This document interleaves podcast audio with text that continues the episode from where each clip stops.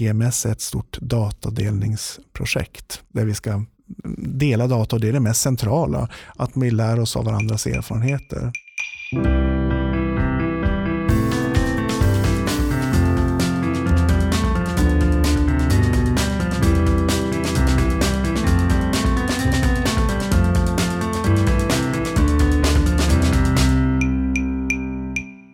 Välkommen till Precisionspodden. En podd där vi tar upp hälso och sjukvårdens övergång från one size fits all till skräddarsytt. Vi är i början av en förvandling. Vården håller på att stiga in i en stor medicinsk förändring där patienter ska kunna gensekvenseras för skräddarsydda behandlingar. Idag är det jag, Anna Johansson och Sofia Valdemarsson som tar emot dagens gäst. Och med oss har vi då Rickard Rosenqvist Brandell som är professor i klinisk genetik på Karolinska institutet och överläkare vid Karolinska universitetssjukhuset. Och han ska hjälpa oss här idag att eh, läsa den här kartan över det nya landskapet som kallas precisionsmedicin. Eh, Rickard är också projektledare för GMS som då står för Genomic Medicine Sweden och de ska ta fram ett förslag på hur precisionsmedicin kan implementeras nationellt och koordinerat eh, inom svensk hälso och sjukvård. Varmt välkommen till Precisionspodden, Rickard. Tack så mycket. Du känns ju som en rätt given gäst i den här podden eh, eftersom det då handlar om precisionsmedicin, vilket är ett av dina specialområden kan man väl säga. Ja. Eh, som sagt, du är professor i klinisk genetik på Karolinska institutet och överläkare vid Karolinska universitetssjukhuset. Eh, min första fråga till dig, hur mår dina gener idag? ja, det kan man undra. Jag hoppas de mår bra. Ja, har du koll på dem? Inte mer än att när jag började inom klinisk genetik så var det tradition att man gjorde sina egna kromosomer för att se på dem. Ehm, och de såg bra ut i alla fall. Mm. Men något mer, jag har inte gjort några andra genetiska tester på mig själv. ja, nej, lite skämt åsido, men eh, du kan gärna få berätta lite om, om, hur du hamnade där du är idag. Ja, men jag tror att det är så att jag, jag hade faktiskt en, en gymnasielärare i biologi som var väldigt intresserad, inte så mycket av blommor och bin utan av um, genetik och DNA. Så att han um, inspirerade de nog mig ganska mycket att eh, fortsätta med det intresset kring molekylär genetik och molekylär biologi. Så när jag började läsa medicin så kände jag rätt snabbt att eh, det här är ett område som jag vill fördjupa mig i och av någon anledning också så eh, vill jag jobba med blodsjukdomar. Så att det, det blev, jag sökte mig sen under utbildningen till forskargrupper som jobbade med blodsjukdomar och och genetik. Ehm, och sen blev det eh, senare i slutet av utbildningen, då hade vi undervisning i klinisk genetik. Det är ju ett smalt, eller det är till synes smalt område, eh, allt som har med genetik och sjukvård. Och då kände jag att det här är något som skulle passa mig, att, att både jobba med, få jobba med genetik och förutom just blodsjukdomar som jag är fokuserad kring så jobbar vi ju mycket också kring cancergenetik men även annan genetik som ärftliga sjukdomar och, och barn med syndrom och fosterdiagnostik. Så det är, även om till synes det verkar smalt så är det ett ganska brett område och vi ser nu hur vi, vi många, många sjukdomsområden så kommer genetiken in. Ja, det är väl ett oerhört brett område, eh, känns det som. Det blir bara bredare och bredare. ja, men det, det, ja. det blir det och, det och det är det som är utmaningen också eftersom det finns ju jag menar, över 10 000 olika ärftliga sjukdomar och det finns tusentals olika syndrom. Och sen så lär vi oss mer och mer om cancergenetik. Så, att, så att det, är, men det är en utmaning att hålla sig eh, uppdaterad i, i de olika områdena. Det går så snabbt. Mm. Men det är, våran, det är också vår specialitetsroll att ligga där vid fronten och snabbt ta till kunskaper som vi ska kunna omsätta till, till sjukvård helt enkelt. Mm. Ja, det är väl ni, ni, som ska vara först på den bollen. Ja, men det, vi gillar ju att vara det, ska säga, i det gränsområdet. Ja, ja. Vi skulle ju kunna säga att vi är i en början på en förvandling inom hälso och sjukvården, eller hur?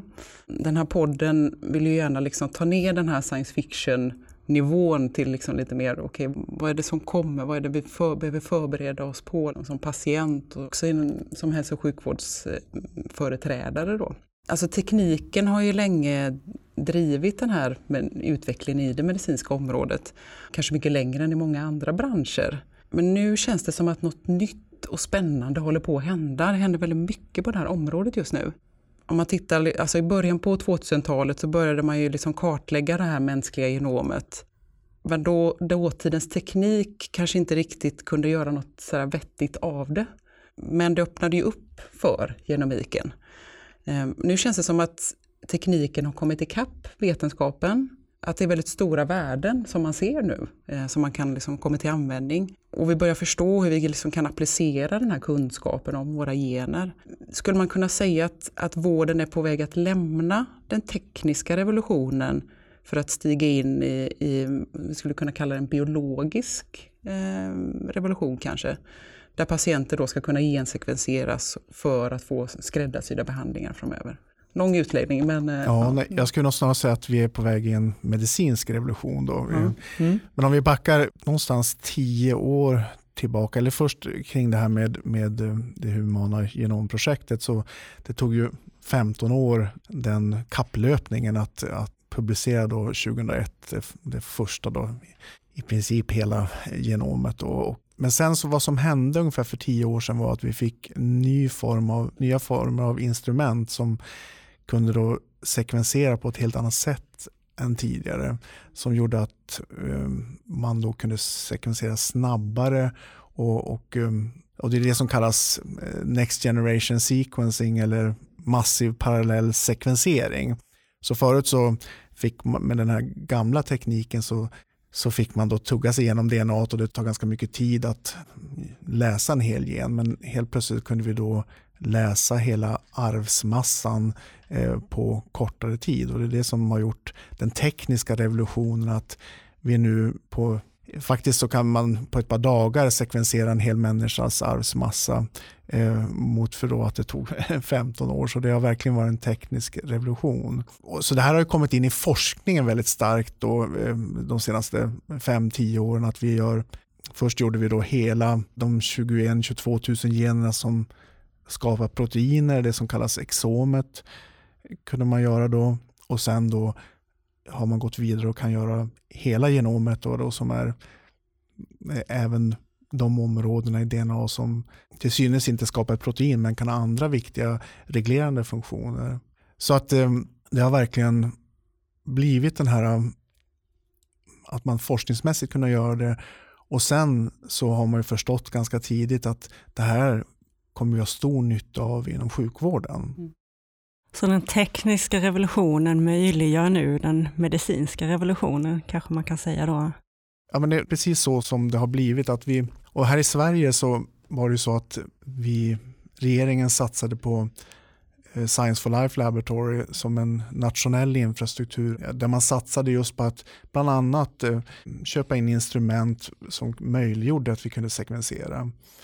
Och genom de ska säga, musklerna i form av de här nya kraftfulla instrumenten så börjar vi någonstans 2012-2013 att diskutera att ska vi inte skapa då en, en plattform för att um, utveckla diagnostik inom sjukvården. Så att um, det finns en plattform då i, inom Silaf Lab som heter Diagnostics Development som just vi har jobbat tillsammans eh, de sista fem åren att introducera de, de här kraftfulla teknikerna i klinisk diagnostik för att vi verkligen ska kunna eh, på individuell nivå kunna hjälpa till. Och det är både då ärftliga sjukdomar och eh, cancersjukdomar och sen mikrobiologi. Det är det som har varit fokusområdena som vi har jobbat med då, att utveckla den här diagnostiken. Och det har varit det första steget är att eh, komma till precisionsmedicin. Då, att, man, att vi har kunnat introducera. Först då var det ju, började man med genpaneler och det är så att man, man fiskar ut de gener som man är särskilt intresserad av. Man tittar inte på hela arvsmassan utan man tittar på särskilda gener och det, och det gjorde man både för ärftliga sjukdomar och cancer. På ärftliga sjukdomar så har man gått vidare då och kan göra alla gener och, och, och nu på senare år då hela genomet. Och, Medan cancer så är det mycket fokus att, att göra bredare genpaneler så att vi ska kunna fånga upp viktiga gener som kan ha avvikelser, mutationer då som, som man kan matcha med, med behandling. Och det är det man menar också med precisionsmedicin. När tycker du att man kan börja tala om precisionsmedicin? Gör vi det redan idag eller är vi på väg in i det? Jag skulle säga att vi med hjälp av, det var alltså den här diagnostikplattformen har då fyra enheter i Uppsala, Lund, Stockholm och Göteborg. De heter Clinical Genomics och de har hjälpt det har varit samverkansenheter mellan sjukvård, SciLife Lab och akademin på de här orterna. Där vi då har jobbat att verkligen eh, se hur kan vi få in de här teknikerna på ett bra sätt i sjukvården. Därför att det som är är det att ja, dels är det nya tekniker för sjukvården men sen genererar också mycket data. Och det är inte, sjukvården har inte varit, är inte van med att hantera så mycket data. Så det har varit viktigt att ha det just som samverkansprojekt. Och tillsammans har vi då lett den här utvecklingen att, att vi kan göra de här olika analyserna. Så att, eh, jag skulle säga att Sverige snabbt har kommit på banan att leverera diagnostik, man skulle kalla det precisionsdiagnostik, mm. som är det första ledet till att komma till, till precisionsmedicin. Mm. Man kan väl säga att Sverige ligger rätt så bra till i det här fältet? Ja, men jag tror att det, det var så här att vi, vi, vi satsade på att få in det här i sjukvården och det är det, ska jag säga, det är det svåraste steget. Så om man ser på andra nationella initiativ så kan det ibland på pappret se ut som att vi är efter. Men de har oftast börjat med att sekvensera stora kohorter av patienter för att sen ta in det här i, i sjukvården. Och vi har just med Genomic Medicine Sweden så har vi vänt på det hela att vi först levererar diagnostik som sen eh, ska användas till forskning och eh, nya innovationer. Så att jag, jag, tror att vi har kommit långt i Sverige, även om vi naturligtvis har mycket kvar. Men, men, och det var tack vare SciLife Lab och att man såg att det var, man tycker det är viktigt att, att det också skulle få det man, de tekniker man utvecklade inom eh, forskningsinfrastrukturen också skulle komma över till sjukvården för att det skulle ge samhällsnytta. Mm. Och Det tycker vi har varit väldigt roligt och, och nu kommer den här eh, plattformen att utvecklas till så alla sju universitet med universitetssjukhus ska ha en sån här SciLife Lab-enhet för att, för att just ha den här tekniska basen att stå på. Mm, just det, och nå också den här nationella täckningen mm. som är viktig, att Absolut. vi har en jämlik vård. Mm.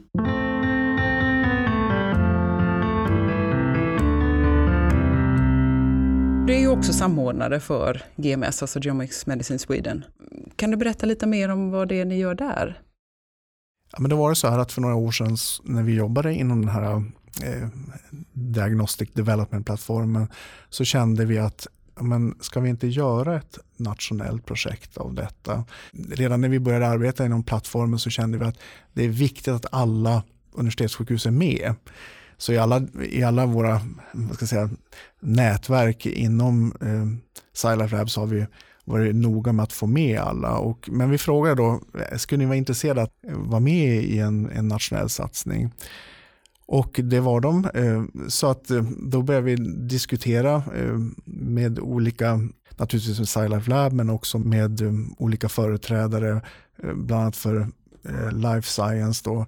Är det här någonting som man vill att Sverige ska göra? Sen är det ju så här att det har varit en, jag ska säga, internationellt så är det på mode nu att skapa mm, sådana här nationella precisionsmedicininitiativ. Mm. Och eh, det som har varit riktiga flaggskeppet har ju varit Genomics England som 2013 där man då var David Cameron som lanserade då att, att man skulle göra 100 000 engelsmäns hela genom och att de fokuserade på ärftliga sjukdomar och cancer. Så det har varit en, en förebild för oss eh, naturligtvis och vi har haft ganska mycket kontakt med dem, vad man ska lära sig av dem och vad man ska ta med sig att man kanske ska undvika. Mm. Eh, hur, ja, hur ser det utbytet ut? Åker det dit och, och ser vad de gör då? Eller hur? Ja, det, mm. vi har, dels så är det ju så att som sagt, de, de, var den första eh, stora som, som lanserades nationellt. Och det som var viktigt det tror jag att de bestämde sig att det här projektet låg inom deras eh, nationella hälso och sjukvård, alltså NHS. Så att eh, man verkligen ville att det här skulle eh, komma in i kliniken. Det har varit svårt för dem av olika anledningar att verkligen komma ut i sjukvården. Så nu har de gjort en ny satsning nu att de ska verkligen satsa på att det här ska in i deras eh, eh, National Health Services. Så nu har de ett ambitiöst projekt där de ska göra 5 miljoner helgenomsekvenseringar de närmaste åren. Ehm, men om jag kommer tillbaka till det här med, det har, det har då kommit andra nationella initiativ både i, i Norden och i Europa. Och, och även i stora länder kan det ju vara regioner som har gjort eh, särskilda satsningar. Så det, det, är nu drygt 30-tal olika initiativ som vi känner till.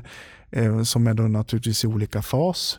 Men vi har mycket kontakt eh, för att eh, lära oss av varandra och eh, det kommer ju vara så här tror jag att när vi, vi försöker göra det här då på svensk nivå men det kommer vara viktigt att ha åtminstone nordiskt perspektiv och kanske internationellt perspektiv för att eh, vi måste ju dela på data för att verkligen det här ska bli riktigt kraftfullt för att, och lära oss av, av varandra helt enkelt. Så att jag tror att man, vi, nu försöker vi sätta upp det i Sverige men vi för redan diskussioner med våra nordiska grannländer och även andra internationella initiativ. För att jag tror att man måste ha den horisonten. Framförallt med ärftliga sjukdomar som är, de är, kallas ju rare diseases och, och just med rare diseases så, så, måste man ha ett internationellt perspektiv. Men även för cancer kommer det vara viktigt att när man mer och mer kartlägger genetiska avvikelser som har betydelse för vilken behandling man får så måste man ju skapa studier, kliniska studier så att man får, kan ge behandlingar då, eh, till de patienterna. Och då tror jag också man måste ha ett internationellt perspektiv. Mm. Och det, kän, det känns spontant som att cancer är det stora området där det händer, där det händer mest. Men eh, det finns givetvis andra områden också. Men eh, om man tittar mer på det hälsopreventiva arbetet då? Hur skulle det, liksom, vad är precisionsmedicin där? Vad kan precisionsmedicinen göra där enligt dig? Mm. Man kan säga att alltså de två huvudområdena som vi jobbar med, det har ju varit dels har vi då, om man pratar om för ärftliga sjukdomar så har vi ju då gått från att Förut så sekvenserade, om man hade en misstänkt ärftlig sjukdom eller ett barn med syndrom så gjorde man ett visst antal genetiska analyser. Eh, och för vi, man behövde oftast kanske ta gen efter gen som man försökte förstå. Eh, kunde man hitta den avvikelse som hade eh, alltså gjort, eh, skapat en, som hade lett till den här ärftliga sjukdomen eller syndromet. Och det, det här eh, var ju relativt kostsamt att göra och så då när vi kunde börja göra först eh, alla gener då, och sen då senare eh, som vi har gjort sedan 2015 i Stockholm att göra hela, eller på Karolinska, hela genomet så kunde vi då ersätta många av de andra analyserna och kan göra en analys eh, samtidigt. Och, det, är, eh, det är väl rätt så unikt att man kan det, är inte det? Det är inte jo, så många som kan det. det, är, det är, alltså, nu håller det på att etableras eh, och det är det som eh, Genomics England då är deras nästa våg nu. Det var egentligen meningen att det skulle leda till klinisk diagnostik och det har det gjort. De här 100 000 som har gjorts så har en viss andel av dem lett till att man har diagnostiserat olika sjukdomar. Men nu tar de en ny kraftfull tag i det hela. Men det har varit unikt att vi ändå har gjort det här i sedan 2015 och att eh, och det, vi ser att det ökar vårdens önskan att göra analysen ökar. Så just här i Stockholm så görs det nu drygt 100 i månaden helgenomsekvenseringar. Eh, så blir det, det blir alltså drygt 1000 per år i alla fall som görs. Och vi ser som sagt en, en ökande efterfrågan. Och vad, vad har det för betydelse att man gör det här? Man hittar ungefär någonstans medelsnitt 30-35 procent hittar man då orsaken till, till mm, individens sjukdom eller patientens sjukdom. Och Det har ju stor betydelse för, för de här familjerna som har drabbats. Dels att man förstår sjukdomen och att man förstår eh, ja, vad som har orsakat det och man kan eh, se också för, för individen, vad är prognosen på sikt? Och, och sen är det så att sista åren här så har det börjat komma med också fler möjligheter till behandling. Ehm, så om man pratar om prevention så är det naturligtvis så att de här familjerna, om man hittar den genetiska orsaken så har man möjlighet till naturligtvis familjeplanering och man har också ja, möjlighet till att man kan ge en uppföljning som är mer individualiserad för de här patienterna. Och förhoppningsvis så kommer det komma mer och mer fler möjliga behandlingar. Ja, för det är väl det, just att det man hittar, det, man vill väl gärna kunna göra någonting åt det också då, annars så blir det ju lite, vad ska man säga, eh, vad ska man annars använda informationen till då? Precis, mm. och det, det, är olika naturligtvis, för det kan ju vara, det är ju så här att genom att man gör då hela genomet så hittar man ju nya mekanismer också. Och där måste man ju först forska och förstå. Så det är där vi har den här forskningsdimensionen i GMS, att vi gör de här breda analyserna. Vi svarar bara ut en del av, av generna i klinisk rutin, men sen kan övriga användas då för forskningsdelen. Och då kan man hitta nya mekanismer som också gör att man kan utveckla nya behandlingar. Mm. För att förstå sjukdomarna bättre, hur de, eh, hur de uppkommer Absolut. och hur de ut, liksom utvecklas och, och sen vad man kan göra för att, liksom, att det är ett tidigt skede gissar jag då. Absolut. Både upptäcka dem och sen eh, sätta in eh, någon typ av eh, action. Liksom. Och det har ju varit, det som har varit proof of concept har ju varit Eh, Eh, vi har ju en enhet på Karolinska Center för medfödda metabola sjukdomar eh, som leds bland annat av Anna Wedell. Och de har ju, då föds ett barn som, eh, som inte mår bra helt enkelt och man misstänker att det är en metabol sjukdom. Och då har man kunnat använda just helgenomsekvensering för att kunna hitta vad är det som orsakar att barnet inte mår, mår bra och eh, även kunna sätta in behandling och det har helt har vänt. Från att det har varit en, en verkligen allvarlig sjukdom så har man kunnat vänt det hela så att eh, de har fått en normal utveckling. Och eh, det här är naturligtvis eh, fantastiskt för de familjerna där, där man då kunnat hitta vad det är och kunna göra åtgärder det också. Och det är så vi hoppas att det ska vara framöver. Också hos oss då på klinisk genetik så har vi en stor omfattande verksamhet med barn som har syndrom där man inte vet vad de där det finns en andel av patienter där man inte vet varför de har ett syndrom. Och genom de här teknikerna så har man kunnat hjälpa att kartlägga vad de har för någonting. Och det här är oerhört värdefullt för de familjerna. Att de får en förklaring var, varför deras barn är sjukt. Och sen eh, i nästa led så hoppas vi också att, där, att man ska komma till nya former av Ja, dels att man kan hjälpa dem bättre med uppföljning. Och I Sverige är det viktigt att ha en, en diagnos för att man ska få rätt, eh, rätt uppföljning och förhoppningsvis ska det leda till nya behandlingar också. Ja, det låter ju helt fantastiskt faktiskt. Eh, och det måste ju, tänker jag, spara mycket resurser för vården framöver när man liksom kan snabbt då förstå exakt vad är det som är om det är något som är svårdiagnostiserat. Mm. Man får det svaret direkt och då vet man ju precis vad man ska sätta in.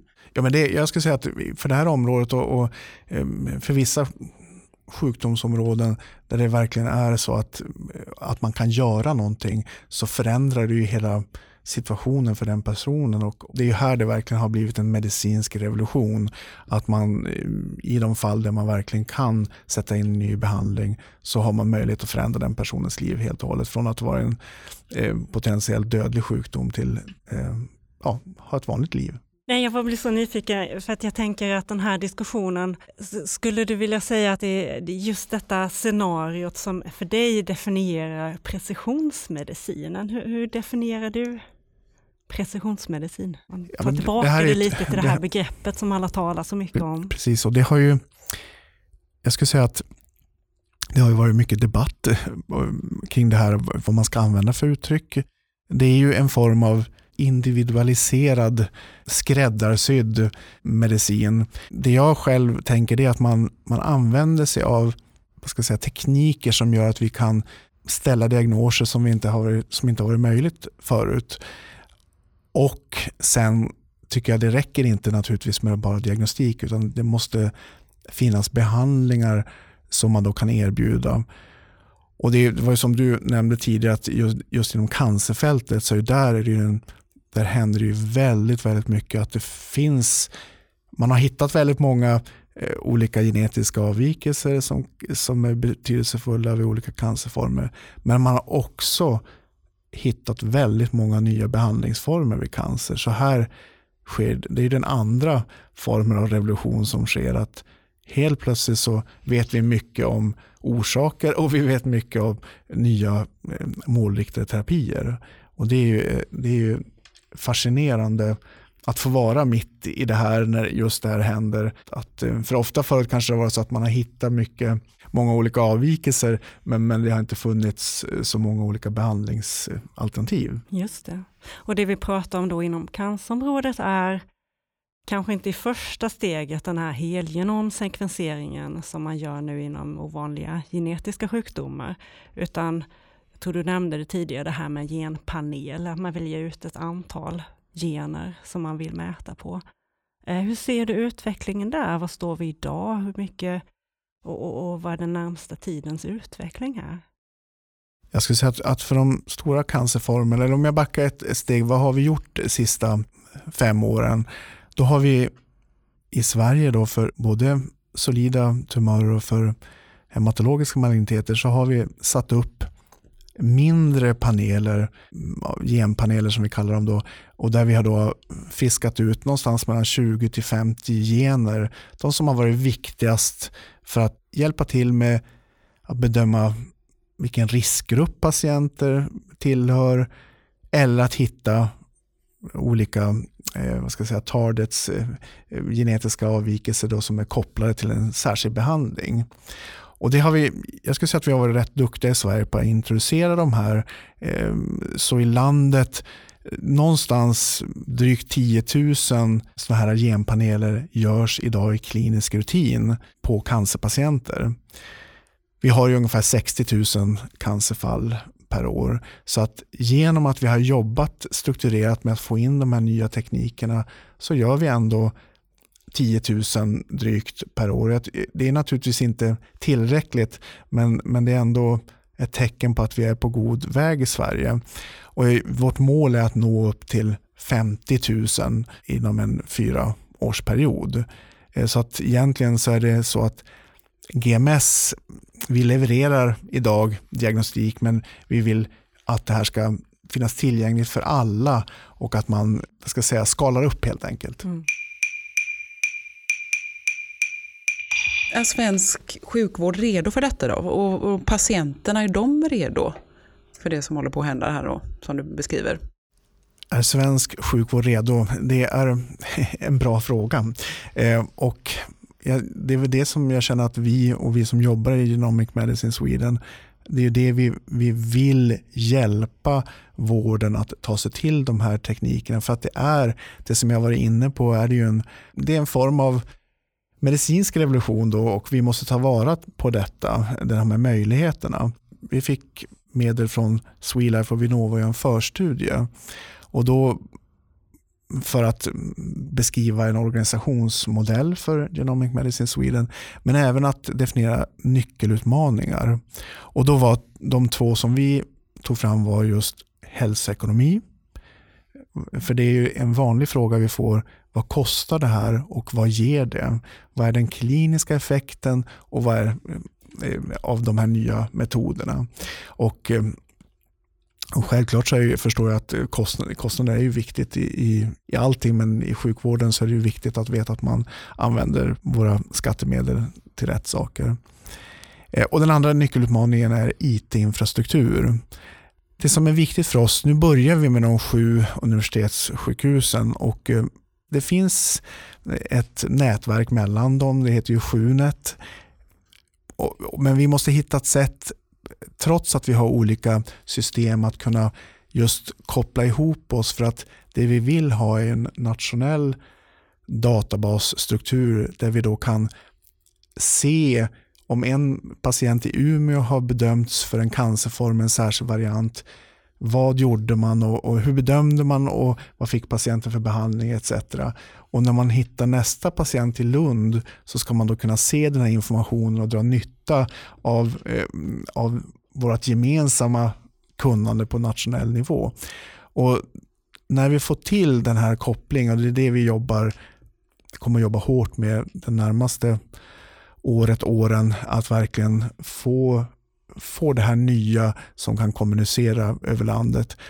Då kommer vi bli då kommer vi vara på riktigt igång. Nu görs det här på varje universitetssjukhus separat, men, men det viktiga är här egentligen, man skulle kunna säga att GMS är ett stort datadelningsprojekt där vi ska dela data och det är det mest centrala, att vi lär oss av varandras erfarenheter. Mm. Ja, det låter ju oerhört viktigt och som du säger, det är väl eh, det, är väl det som, blir som ni gör på GMS, det är väl det som är, är huvudsyftet gissar jag, att Precis. få ihop det här. Ja. Mm. Hur, går, hur går det för er då? jo, men jag skulle säga att för, just för, som jag var inne på, att för sällsynta diagnoser eller ärftliga sjukdomar, där arbetar vi på att vi Idag så, så gör vi ju helgenomsekvensering här i, i, Stockholm och på de andra orterna gör man då exomet som det kallas, de 21-22 000 generna. Vad är ett exom? Förlåt, nu kanske exom, det blir tekniskt. Här. Det är alltså det är 1% av vår arvsmassa, kodar för, alltså för de cirka 22 000 generna som vi har och varje gen kan man säga är en instruktionsbok för ett protein. Så att det är de som gör Generna är ju koden för varje protein som bygger upp vår kropp helt enkelt.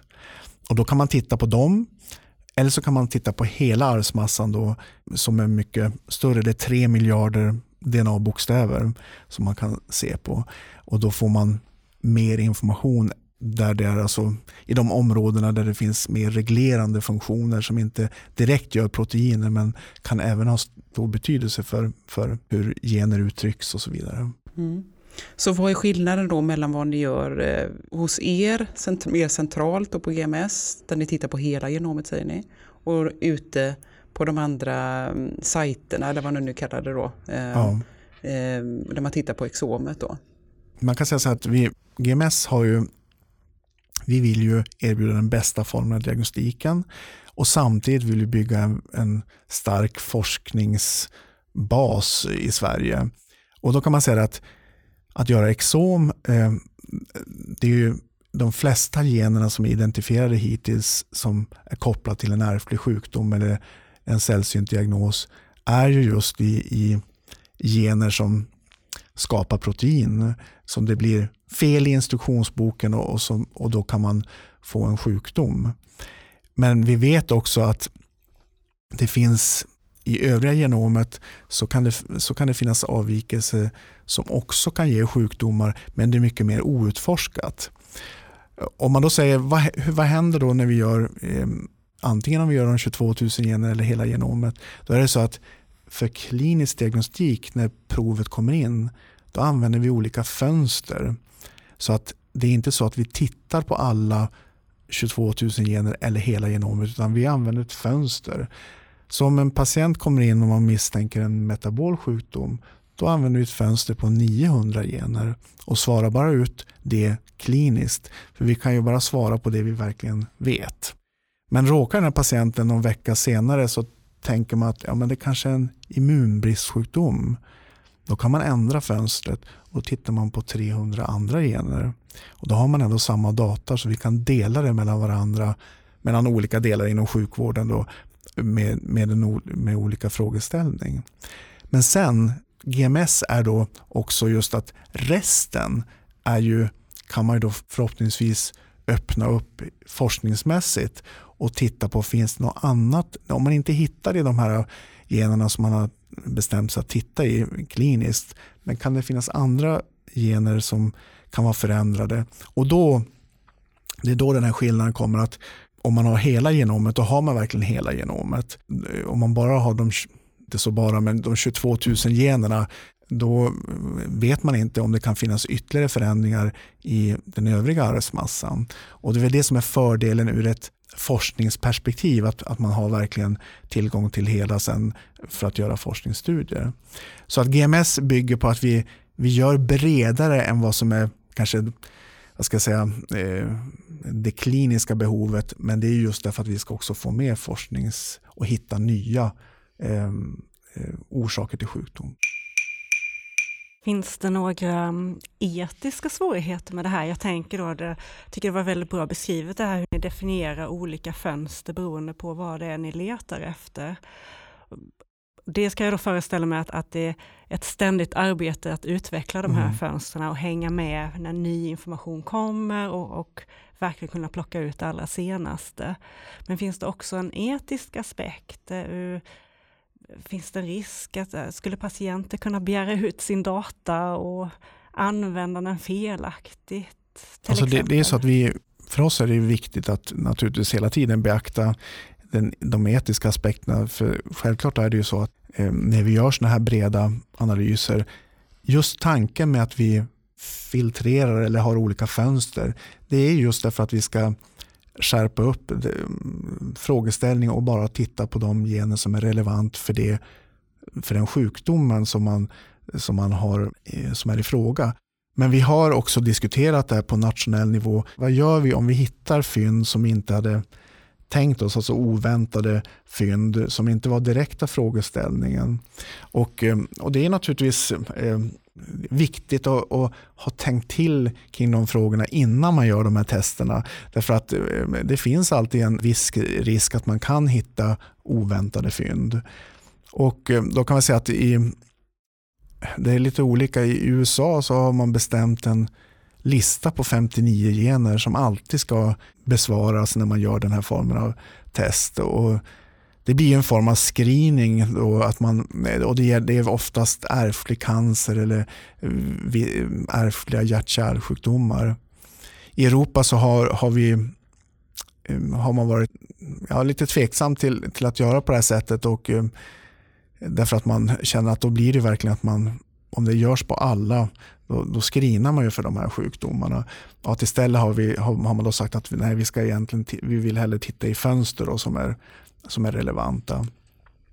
I Sverige har vi sagt att eh, eh, om vi hittar ett oväntat fynd som har en klinisk betydelse för patientens omhändertagande, då kan man rapportera tillbaka detta, men att man börjar då prata med patientens doktor är det här relevant för patienten?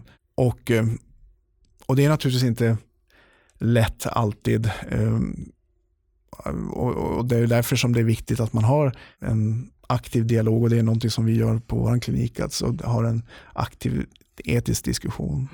Ska vi säga, jag kom ifrån lite grann det här med, med också, du, ni frågar hur det går. Ja, och, eh, och då kan man säga att så ärftliga sjukdomar, det vi vill göra det är att vi vi vill gå mot att vi kan erbjuda hela landet där man har en misstanke om en ärftlig sällsynt sjukdom att man ska kunna erbjuda helgenomsekvensering. Så att det är det som, som är målet att eh, inom de närmaste åren så ska vi ha den möjligheten. För cancer så är det så att där tidigare så berättade jag om de här små mindre genpanelerna på 20 till 50 och vad som händer här är att det jag var inne på att det har skett en sån utveckling med olika läkemedel eh, som är målriktade, alltså som går på den genetiska avvikelse som man, som man har hittat i tumören. Här pratar vi oftast om, det är ju inte patientens alla celler utan det är patient, tumörcellernas gener, hur de har förändrats som, som vi tittar på. Och då ser vi att då räcker det inte att göra 20 50 utan där måste vi göra fler gener. Så det vi, det vi nu jobbar med är att vi håller på att ta fram paneler som är bredare. Det är lite olika för olika, för solida tumörer, alltså de vanliga eh, cancerformerna som bröstcancer, lungcancer, tjocktarmscancer, där, där ligger panelerna någonstans runt 400-500 gener för att täcka in dagens kända kunskap kring vilka gener som är kopplade till, att, till en, en särskild form av, av behandling. För hematologiska maligniteter som jag eh, jobbar mest kring, då kommer panelen att ligga någonstans mellan 200 300 gener eh, som vi då eh, kommer att analysera.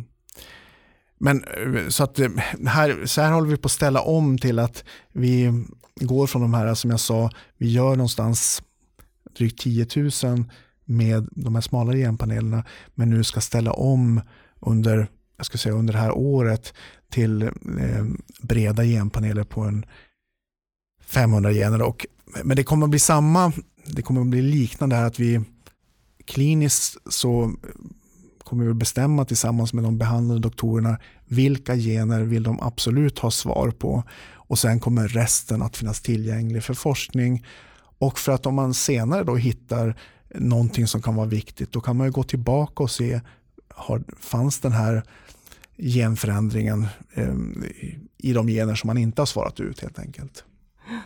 Tänker då i, just för cancer, du frågar om etiska aspekter. Där är det så att i de här större, bredare genpanelerna, där vill vi då analysera samtidigt tumör-DNA och eh, patientens vad heter, egna DNA. Ehm, Just för att kunna skilja på vad är det, vad är det som man har sett i, i tumören. Och det här kommer göra att vi kommer att upptäcka eh, ärftliga former av cancer. Därför att då kommer vi att se om patienterna har då en ärftlig bröstcancer. Mm. Så det här kommer att ändra lite grann. Jag jobbar ju med ärftlig cancer eh, och träffar familjer och patienter med ärftlig cancer. Och, och de kommer ju oftast till oss därför att de har ett släktträd eller en släkt där man har haft flera fall av en eller eh, kopplade cancerformer då, i olika ärftliga cancerformer. Men nu kommer man att hitta, nu kommer det vara så att när man gör den här analysen, när man diagnostiseras med en cancer, då kommer man då se att det här kan vara en ärftlig cancer. Då får de komma till oss för, för diskussion. Då. Mm. Och då, vad, gör, vad gör man då när man upptäcker det? Alltså vi har ju för många alltså av de vanligaste ärftliga cancerformerna som ärftlig bröstcancer och ärftlig tjocktarmscancer. Där har vi ju nationella program, vilka uppföljningsprogram man får och, och eh, ja, det finns möjlighet att, då att, att släktingar testar sig och, och då är det meningen att vi hjälper dem att få bra kontrollprogram och ibland också profylaktiska operationer beroende på vilken, vilken form det är, ärftlig form som man har hittat. Då. De här familjerna då, får man säga, som, eh, som får hjälp, vad, hur, hur, vad är deras reaktion?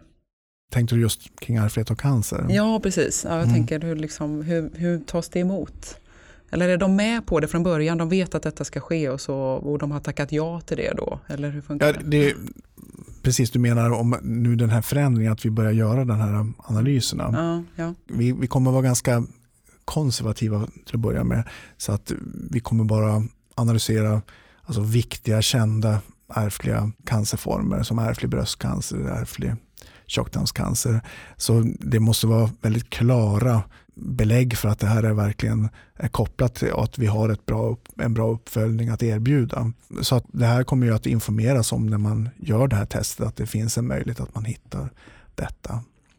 Men de familjer som har en, en familjehistoria, de, jag menar, de är oftast medvetna om det också samtidigt. De, det känns som att man skulle vara rätt tacksam faktiskt i en sån situation när man vet om det då och så att man, ja, att man får svar kanske på det och får, får hjälp tidigt också. Vet, eller?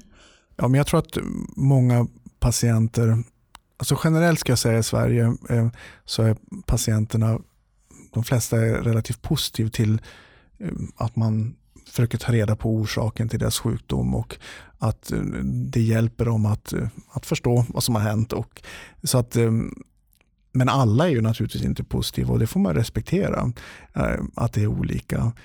Men generellt, nu kanske det är så att jag träffar just fler patienter som är positiva men jag skulle uppleva att de följer samma resonemang som du nämnde att om man vet om och kan följa ett kontrollprogram så är det ändå någonting positivt för dem.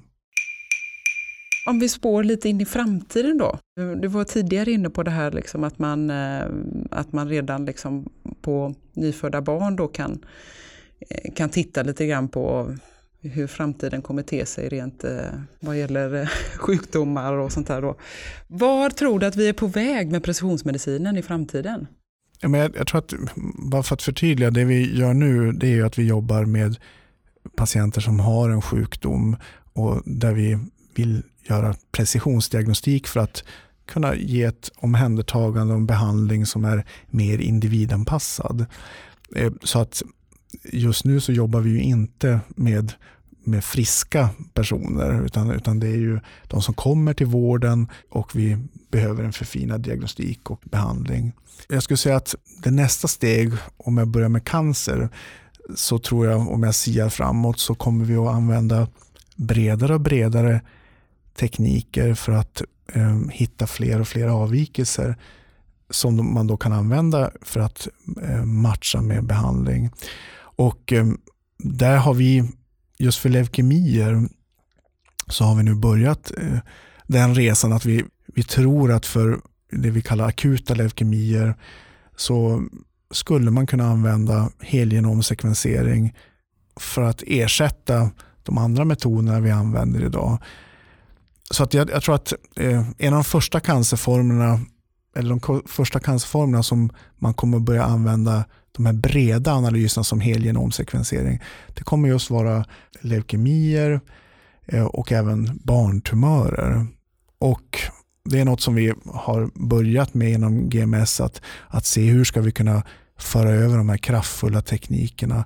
För de har potentiellt, idag så är det så att vid en exempel barnleukemi, då gör vi relativt mycket. Vi tittar på, barn, på tumörcellernas kromosomer, vi gör olika riktade molekylära tekniker och något som heter arrayer där vi ser på också på genetiska avvikelser. Så det är, det är ganska omfattande utredningar och vi gör ju det för att ta reda på vilken riskgrupp tillhör barnet just för barnleukemi för att de ska få rätt protokoll och rätt behandling från vad ska säga, standardrisk till väldigt hög risk, då, så olika grupperingar.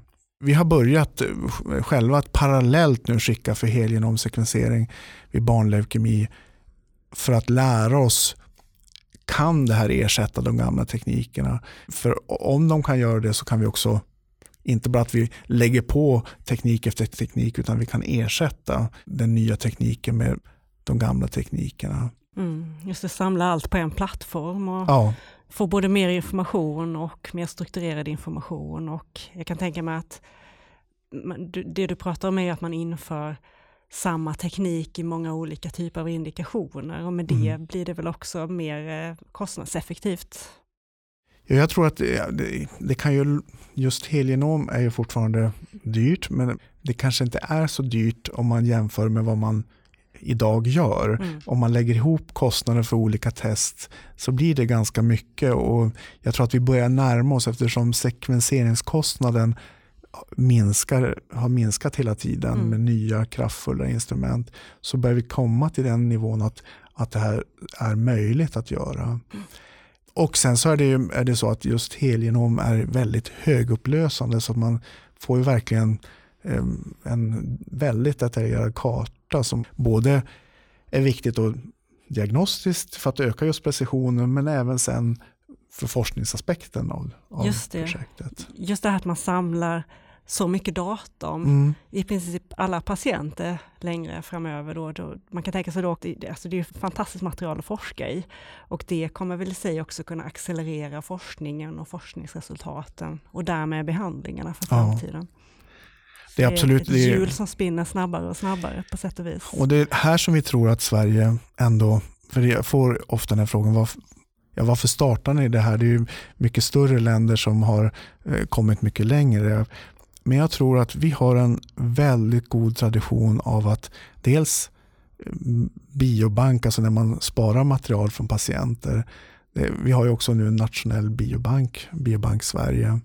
Vi har fantastiska ska jag säga, kvalitetsregister i många olika sjukdomar, nationella register som är hela befolkningen eh, är med. Och Vi har även något som heter flergenerationsregistret där man också kan se vad personer i flera generationer har haft för sjukdomar. Så jag tror att genom att vi gör det här på nationell nivå tillsammans, alla sjukvårdsregioner, eh, så tror jag att vi kan göra populationsbaserade studier, alltså att vi kan se på oselekterat mm, inom ett sjukdomsområde hela Sveriges, mm, de som har drabbats i Sveriges befolkning. Och det tror jag kommer att bli det som vi kommer att bli starka därför att många gånger när man till exempel gör en klinisk studie så är det en rätt hård selektion på de som får vara med i en klinisk studie. Medan här kan vi se hur har det gått i, i ett oselekterat material, alltså för alla som är med, utan att man har sorterat på ålder eller andra parametrar. Så det är där jag tror vår styrka kan bli. Där ska jag säga också att där har vi liknande förutsättningar i, i de nordiska länderna och det är därför jag tror att vi ska också samarbeta för vi har ju liknande sjukvårdssystem också. Mm. Jag kan komma tillbaka till en fråga om det också. Men, men jag tänker bara, eh, alltså det här, det här är ju verkligen big data som du pratar om. Alltså mm. Man samlar in så, så mycket information om så många personer på den här nivån. Vilken roll kommer artificiell intelligens ha? Jag tror att eh, just det här med, med den stora datavolymen, det är ju den stora utmaningen som vi har och det, varje helgenomsekvensning genererar ju väldigt mycket data. Och, eh, och den här ska både, först kan den då bearbetas och analyseras och man ska göra tolkningar men sen måste vi också lagra det här, de här datamängderna. Och eh, det här måste vara säkert för vi pratar om det här är ju verkligen personuppgifter kan man säga eftersom det just när man gör hela genomet så är det ju hela personens DNA-kod. Ehm, så det räknas ju idag som eh, att det är personuppgifter så det måste vara säkert lagrat. Och jag, min önskan är att det här ska vara helt inom sjukvården och att vi ska kunna hantera eh, de här datamängderna. Men idag så gör vi det mm, tillsammans med akademin därför att sjukvården har inte de kraftfulla resurserna att bearbeta den här stora datamängden. Så vi använder oss av universitetens kraft att kunna processa den här datamängden eh, och sen tar vi tillbaka datat in i, i sjukvården. Men vi hoppas eh, på sikt att, att det här ska ske, kunna ske helt inom, inom sjukvårdens regi. Vem, vem, är det som äger data? Då? Äger jag som patient min egen data? Eller? Ja, det är ju dina egna data mm. helt enkelt. Mm. Absolut. Så att vi håller på att diskutera exakt, eh, för man måste naturligtvis ha, man behöver inte ha etiskt samtycke för när man gör diagnostik, alltså när vi gör det här diagnostiskt, men eftersom det är en forskningsdimension så måste vi ha etiskt godkännande för att vad ska jag säga, beforska datat eh, för studier. Så att, men det här är något som vi jobbar på eh, för att hitta en lösning på nationell nivå. Eh, hur vi kan lagra data och använda data. Men det är helt klart så att vi måste vara tydliga i informationen till patienterna och vi måste också kunna erbjuda det man brukar säga opt-out, alltså att man inte vill vara med i detta. Eh, för även om jag sa tidigare att många är positiva så måste man få möjlighet att inte vara med. Det är GDPR. Absolut. Mm. Opt-out. Mm. Mm. ja. Behöver man känna sig orolig på något sätt? Det finns säkert de som känner en viss oro inför alla de här sakerna. Behöv, liksom för att rikta sig till dem då, behöver man vara orolig för det som håller på att eh, hända? Jag skulle säga det att, att eh, det är ju vi som jobbar som, som jag själv då, som är diagnostiker och vi som jobbar i diagnostik, diagnostik, alltså patologer, genetiker och så vidare. Vi är ju ansvariga för att vi gör det här på ett eh, Eh, både professionellt och säkert sätt och följer de internationella och nationella riktlinjer. Och genom att vi gör på det här sättet att vi filtrerar datat på ett strukturerat sätt så att vi ger svar på det vi verkligen kan ge svar på så skulle jag säga att eh, den väg vi har valt att vara restriktiva eh, vad gäller den diagnostik som vi bedriver, att vi bara svarar på det vi kan svara på, det gör att, att vi har ska säga, kontroll och därigenom kan ge professionella svar. Så i det hänseendet skulle jag inte vara orolig eftersom de svar vi kan ge kan verkligen då hitta eh, sjukdomsorsakande förändringar och leda till, just för cancerområdet till exempel, att vi kan ge eh, att det finns fler behandlingsalternativ. Forskningsdelen är ju naturligtvis eh, en, säga, en större fråga, för det, det, där är ju där är så att mm, de data kommer att användas för att göra, hitta nya sjukdomsmekanismer och så småningom då naturligtvis kunna hitta nya behandlingsformer. Eh, jag skulle ändå säga att Sverige generellt så är man positiv till den, den andan att man tror på att, vi, att man ska kunna forska vidare helt enkelt och hitta ny, nyheter. Jag tycker de flesta människor är positiva till det. Mm. Ja, det är ju fantastiska möjligheter till, eh, till forskningen nu eh, i, i framtiden. Absolut. Det, ja. Men jag tror att det, en av de orsakerna till, vi har ju en nationell styrgrupp för Genomic Medicine Sweden och där har vi just två stycken patientrepresentanter med. Så det är en som är då vald från Riksförbundet för sällsynta diagnoser och en från Nätverket mot cancer. Och Det är också för att få med redan nu uppbyggnaden av, av GMS, få med patienternas perspektiv. För att om vi verkligen ska få till det som vi började prata om precisionsmedicin så är det ju så att det, vi kan leverera diagnostik, vi kan förhoppningsvis få till behandling men sen för att få riktigt den här precisionsmedicinen så måste vi också ha patientens vi måste få nya sätt att ta in information från patienten, alltså patientrapporterade data. För det har ju också betydelse för att man skräddarsyr behandlings, alltså behandling och uppföljning för patienten. Så därför så är eh, det viktigt att man har med deras perspektiv redan från början när vi bygger upp det här. Så därför så är det roligt nu att, att de har kommit med i styrgruppen. Mm. Viktig del är den eh, så kallade personcentrerade vården som man också bygger upp eller jobbar vidare på att bygga upp i alla fall inom hälso och sjukvården. Mm. Ja, men det leder mig också till en annan fråga för att nu pratar vi kring ehm, klinisk diagnostik och eh, akademisk forskning. Och sen nämner du också det här med, med patientperspektivet som en, och patienten som en viktig aktör.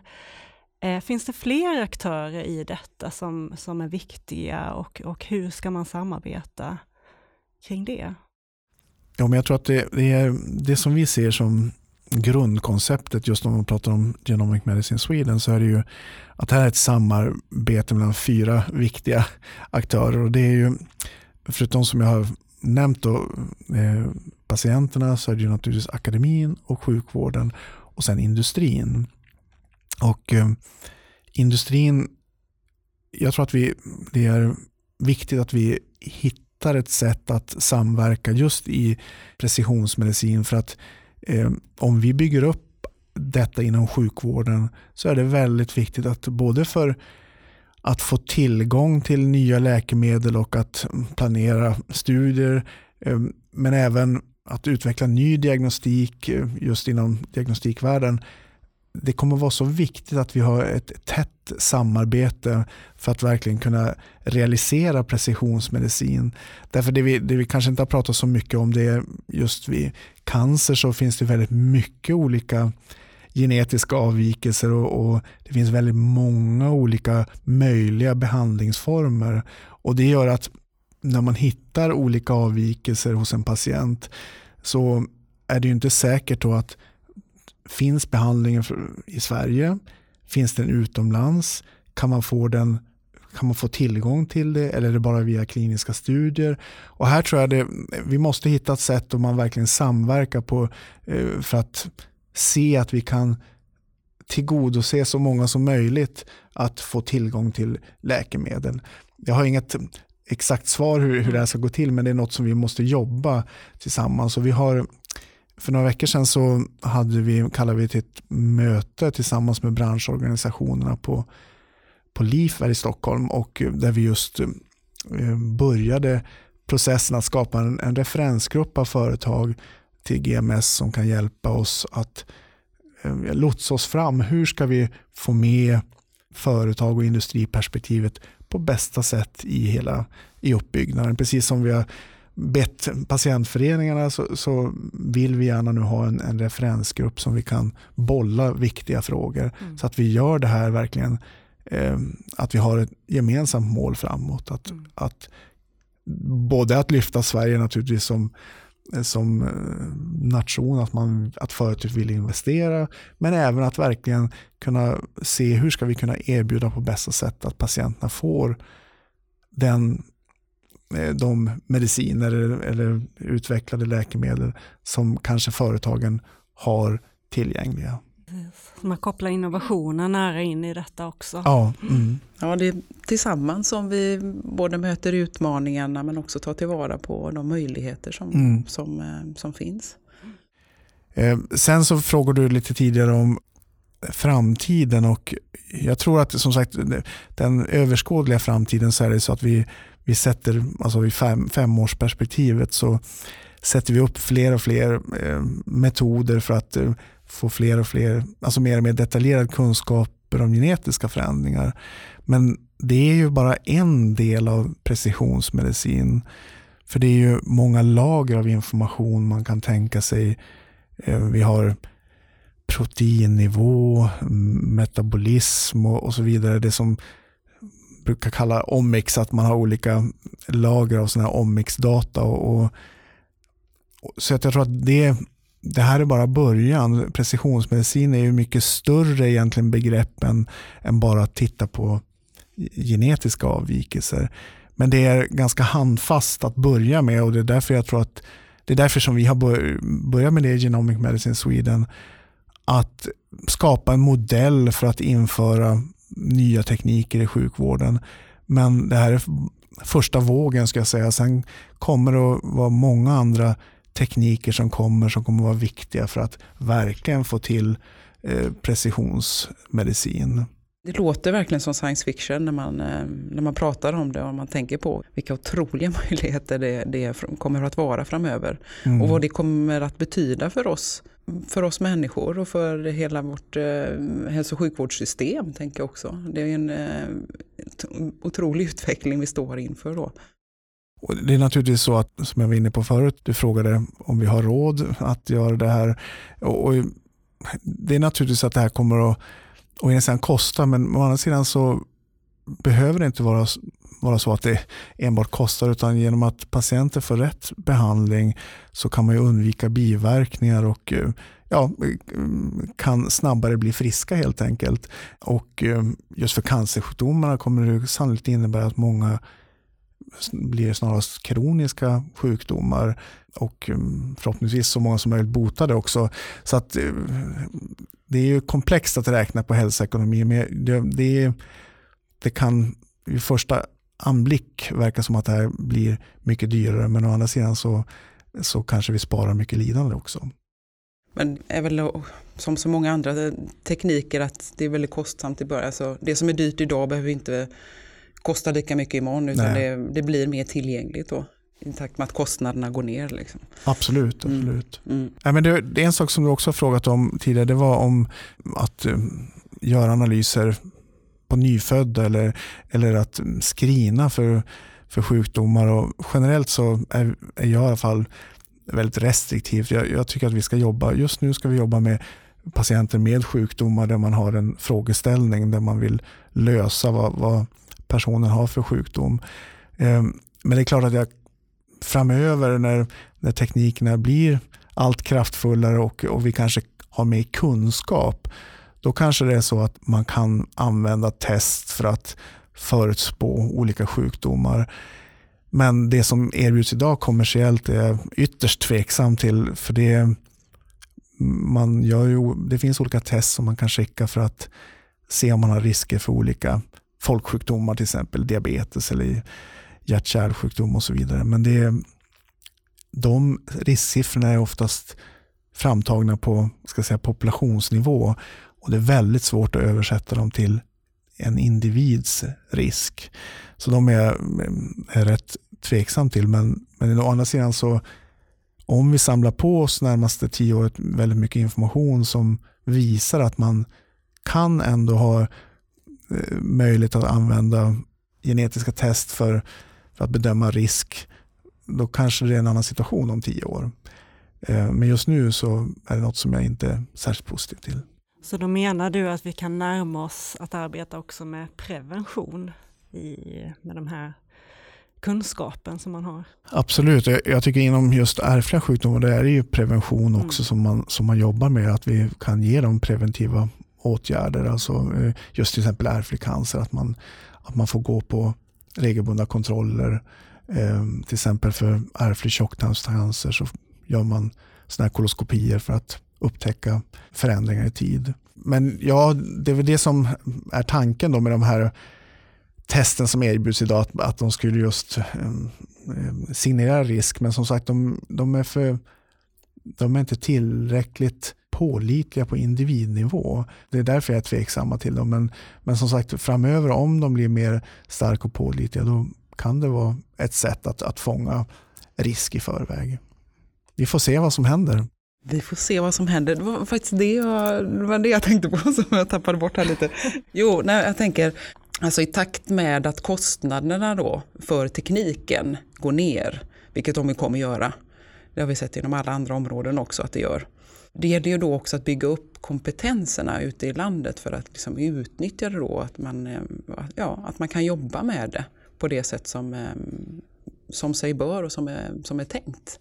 Och det, är, det är egentligen det som, om man ska säga GMS, det det går ut på är dels att vi naturligtvis ska göra en nationell samordning kring och alltså ha en gemensam ram. Men sen är det så att vi, har, vi kommer ha sju stycken centra på universitetssjukhusen. Det är de vi kallar Genomic Medicine Centers där man då verkligen ska göra precisionsmedicinen.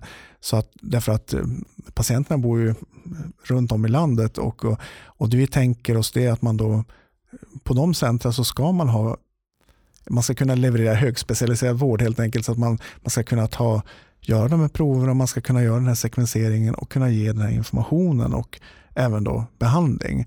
Det är därför vi har då, det jag började tidigare om att SciLife Lab kommer att finnas då som noder på, på de sju orterna för att just kunna hjälpa till med att man säkerställer att man har kompetens att kunna leverera de här, den här formen av testerna och verkligen kunna ge precisionsmedicin.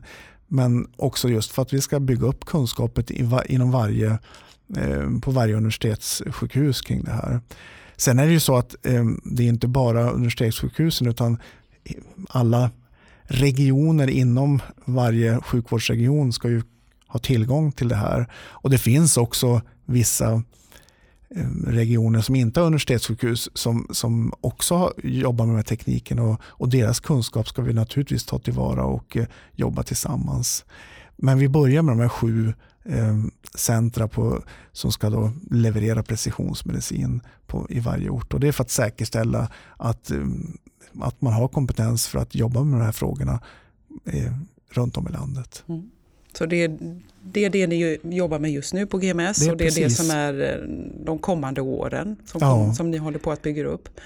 Vi, vi, start, vi startade just på Karolinska, vårt Genomic Medicine Center Karolinska eh, för snart två år sedan. Och jag skulle säga att runt om i landet på de sex andra orterna så håller det på att byggas upp. Eh, hoppas i slutet av året att vi har det på alla sju orter. Mm. Det är ju rätt snabbt jobbat. Eller? Ja, det, vi, har, vi jobbar med högt tempo. Vi har ju fått nu ett eh, anslag på två år just för att, eh, från Vinnova för att verkligen implementera detta. Så att, eh, men hela projektet har just nu ett tio års horisont men, men vi jobbar intensivt för att få komma igång på alla orter. Mm.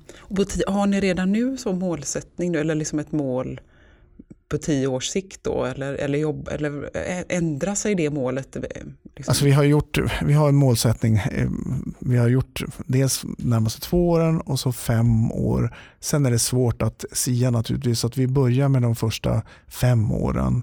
Och då har vi, då har vi det här målet att vi vill skala upp. Alltså att vi vill göra, kunna erbjuda alla patienter i landet med en ärftlig ovanlig eh, sällsynt diagnos eh, just att erbjuda det helgenomsekvensering. Och för cancer vill vi nå upp någonstans 45-50 000 av alla som får en cancerdiagnos, att man har möjlighet att göra en sån här genpanel. Så det är målet. Så alla har inte tillgång till detta idag? det är inte, det är inte, nej alla har inte lika tillgång. Nej, men det är målet. Och det är det som är målet, det är det som är min drivkraft i alla fall, att eh, alla ska få lika tillgång under, över landet. Bra mål. Verkligen. En sista snabb fråga. Om du ser tillbaka på det här samtalet som vi nu har haft. Eh, beskriv de känslor som du får i kroppen när du tänker på precisionsmedicin.